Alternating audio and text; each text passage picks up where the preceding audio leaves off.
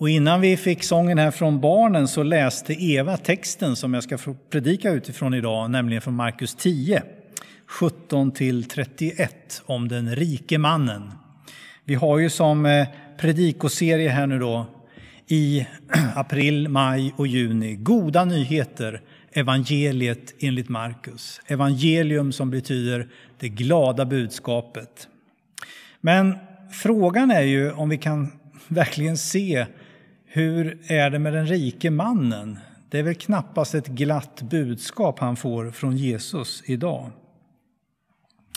Vi har läst och hört hur en man springer fram till Jesus. Han böjer sina knän. Han säger gode mästare. Och eh, han eh, verkligen vädjar till honom. Hur ska jag göra för att få ett evigt liv? Vilken fin människa. Han böjer sina knän. Det var inte många människor som gjorde det inför Jesus. Det var inte många heller som sa gode mästare. Och så säger han ju den frågan som egentligen var anledningen till att Jesus kom. Han kom ju för att ge var och en ett evigt liv. Och nu ställer han ju frågan, hur ska jag göra för att få ett evigt liv? Det här, det här är väl fantastiskt att Jesus får möta nu en människa som är så ödmjuk och som vill få ett evigt liv. Kan det bli bättre? Jesus borde väl älska den här situationen. Men Jesus är långt ifrån upprymd. Han är snarast kylig. Han säger, varför kallar du mig god? Ingen är väl god utom Gud. Och sen svarar han på mannens fråga genom att referera till lagen, tio Guds bud. Men det är en ganska märklig uppräkning som Jesus gör. Han börjar med bud nummer fem och så går han igenom 6, 7, 8 och 9 och 10 slår han ihop. Och sen så säger han bud nummer 4 om att hedra sin far och sin mor. Och när Jesus har sagt det här då säger den rike mannen att allt det där har jag hållit. Men det är ju fantastiskt.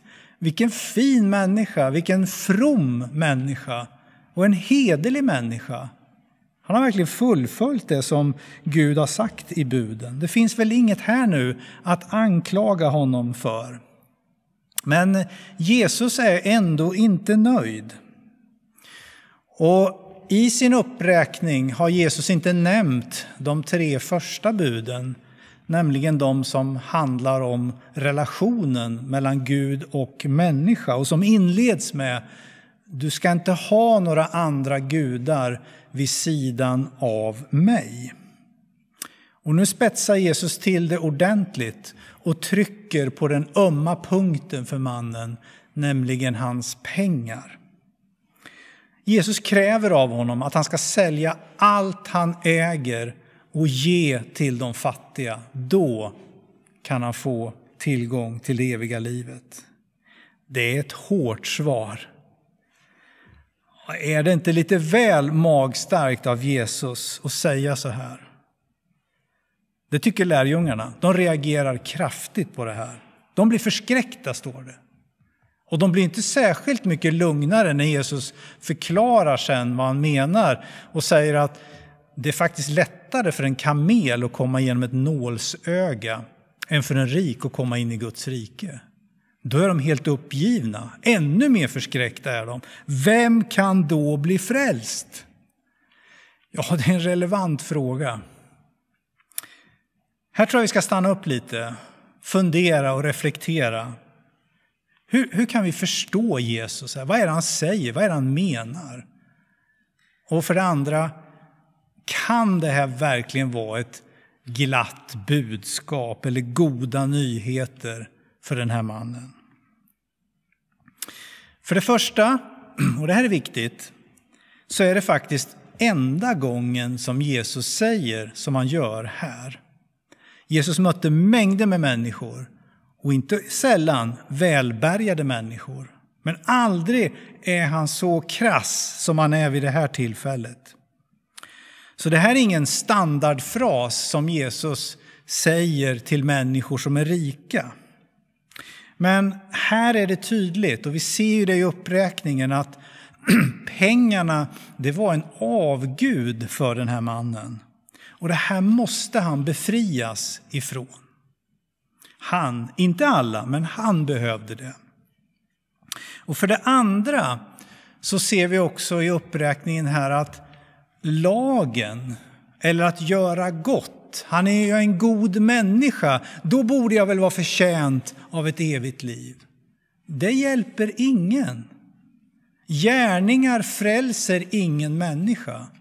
Däremot kan man säga att en människa som blir frälst har gärningar. Men gärningarna gör inte att jag är förtjänt av ett evigt liv.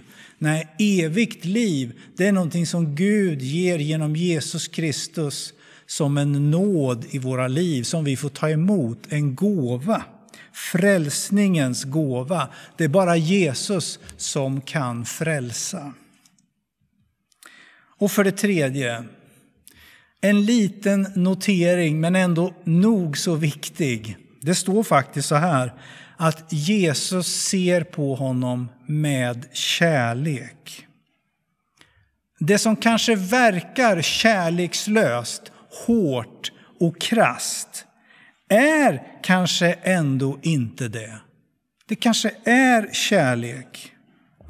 Och om vi funderar vidare, vad hade hänt om den här mannen hade lydit Jesus, om han hade sålt allt han ägde? Hade han fått leva som en fattig människa resten av sitt liv då? Ja, det vet vi ju inte eftersom han inte sålde någonting. Han gick därifrån.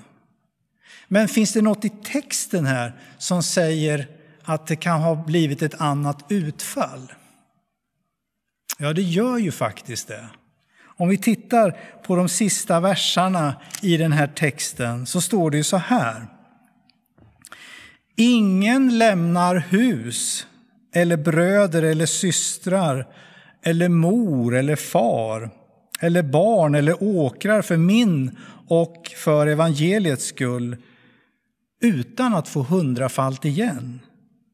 Här i världen får de hus, bröder, systrar, mödrar, barn och åkrar mitt under förföljelser och sedan i den kommande världen evigt liv.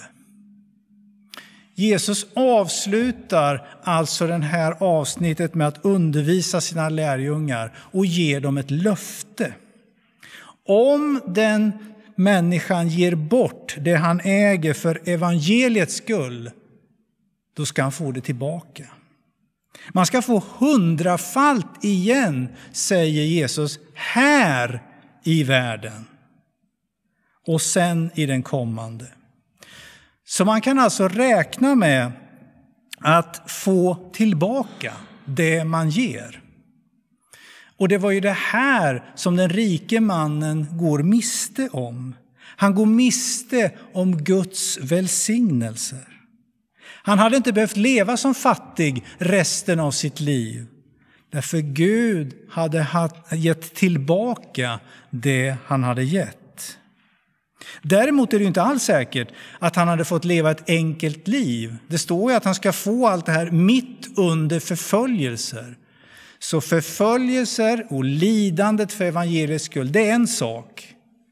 Men en människa som följer Jesus kan räkna med både och. Både kamp, svårigheter, lidande, men också hans välsignelser och hur han ger och hur han förser tillbaka till människor. Jag mötte för en tid sedan en kristen företagare. En framgångsrik företagare. Men han var väldigt tydlig med att för mig är det inte business som är i centrum. Det är Gud. Han är mitt i livet för mig. Och så berättade han hur han i unga år blev frälst och han kände en kallelse, inte att bli pastor eller missionär eller något sånt där, utan att faktiskt driva ett företag, få igång människor och känna hur han leds av Gud. Och han kände verkligen sanktion i det här. Och han tänkte nu när jag lagt mitt liv i Guds händer, nu kommer det gå väldigt bra. Han kommer vara med mig och välsigna mig och det kommer inte bli några problem. Men det blir precis tvärtom. säger han. Det blev kamp, det blir motgångar, det blev svårigheter. Lite grann som en test från Guds sida. Hur överlåten är du? Och så berättade han när han tydligt och metodiskt jobbade mot sitt mål. Han gick en utbildning och han fick ju låna in pengar från, för att eh, försörja sig och sin familj som han hade. Och utifrån de pengarna så satte han undan ett, ett sparkapital som han sa att det här, när det är färdigt, då ska jag använda det här för att investera i ett företag som sen ska blomstra. Det här ska, det här ska verkligen bli Guds företag.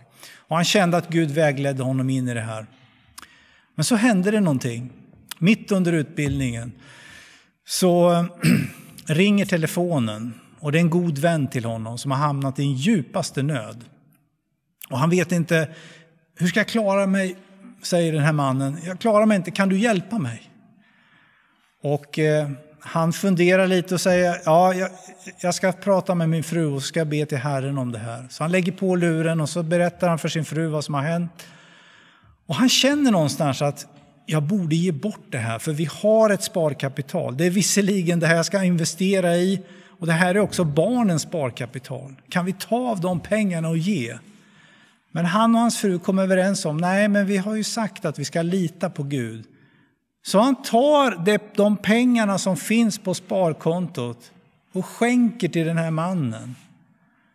Och känner att Gud, du får helt enkelt ta hand om det här. Jag vet inte, du får hjälpa mig. Vi, vi känner att vi vill göra det här för dig. Så där satt han nu, fru och två barn, och hade inga pengar. Och när de bad till Gud, Fader vår, då var det bokstavligen ge oss idag det bröd för dagen som kommer. För då hade de inte. Men så berättade han, det var nu undren började ske. Plötsligt hängde det en matkasse på, på dörren och vi undrade vem har, vem har hängt den här? Det ringde personer och sa, jag vill ge en gåva, jag känner att Gud har manat mig att ge. Så vi fick ta emot och det kom inga jättegåvor, men vi, vi hankade oss fram sakta men säkert. Och till slut var jag klar med utbildningen och sen fick jag möjlighet att låna in pengar från ett annat håll. Så jag kunde investera och sen började Gud välsigna det här. Och idag är det som det är, ett fantastiskt företag. Då frågar jag honom så här. Varför tror du att det här hände dig? Ja, då sa han så här, och det är så likt den här texten. Först vill jag säga, det har bara hänt mig en gång och det var vid det här tillfället. Jag har aldrig gett bort allt igen. Men jag tror faktiskt, säger han, att Gud ville se nu när du ska driva det här, vem, har, vem är din största tillit till? Litar du på mig fullt ut eller inte? Så det var en test från Guds sida. Och så frågade jag honom också, vad har du lärt dig av det här? Jag har lärt mig att ingenting av det jag har är mitt. Jag, jag, tänker inte ens att företaget är mitt. För det är så självklart att det är Guds företag. Jag ser ju att det står mitt namn på det, men jag har lagt det här helt i Guds händer. Så när det går bra för mitt företag, då slår jag mig inte för bröstet, utan då säger jag bara tack Jesus för att det går vägen. Tack för att ditt företag går bra. Den här texten som jag läst är ganska likt det den här företagaren fick vara med om. Texten om den rike mannen skulle jag vilja säga handlar inte alls ytterst om pengar. Det handlar om tillit. Att våga lita så mycket på Gud så att man kan ge bort. För man räknar med att Gud kommer inte överge mig. Han kommer vara med mig i detta. Det här är goda nyheter. Gud finns med oss genom livet, genom prövningar. Han överger oss inte. Det kan bli förföljelse, det kan bli lidande, det kan bli svårt. Men han kommer också med välsignelser och ger till oss. Men du kanske tänker och känner dig fortfarande lite tveksam. Är det här rätt tolkning i alla fall? Finns det något mer exempel i Bibeln på det här? Ja, det gör ju det. kanske det största testen av dem alla, den råkade Abraham ut för. Han fick efter många år sin löftesson från Gud, Isak. Och så plötsligt säger Gud, han ska du offra. Men varför Gud? Ja, men det är ju precis samma sak. Gud ville se, vem är störst i ditt liv Abraham? Jag vill välsigna dig, men du måste lita på mig. Och han är beredd att offra även sin son Isak. Men precis när det ska till så säger Gud, nej, det behöver du inte göra. Nu vet jag att du sätter mig först. Och det här är också utmaningen till dig och mig. De goda nyheterna. Vi kanske kan leva som troende men vi sköter allt vår, vår tillvaro för oss själva och tänker Gud är väl med på ett hörn. Det är inte så det är tänkt att leva. Vi är tänkt att leva mitt i den här världen. Allt det vi har, det ska vi bara förvalta under en tid. Sen ska vi ge bort allting ändå. Det gäller att ha Gud i centrum i sitt liv. Det är goda nyheter. Det är glada, ett glatt budskap till dig och mig. Du är inte ensam. Han är med och han vill vara med och han vill också välsigna. Du kanske känner att till sist, ja, fast jag är ju inte direkt så här jätterik och så, så att jag känner inte att det kanske berör mig. Men kan det vara så ändå att det handlar inte bara om individer i den här texten? Tänk om vi kan tänka likadant om en församling. Om vi ställer oss som församling en fråga, vad är våran trygghet? Vad är det vi litar på ytterst? Vad är vår säkerhet? Är det hur mycket tillgångar och pengar vi har i buffert? Är det det som får oss som församling att känna oss trygga och säkra? Eller är det våra värdefulla lokaler? Det är fantastiskt att vi har de här lokalerna.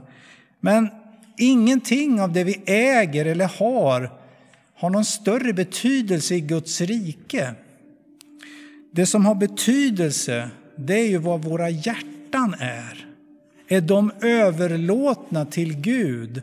Vågar vi lita på honom hur omständigheterna än gungar?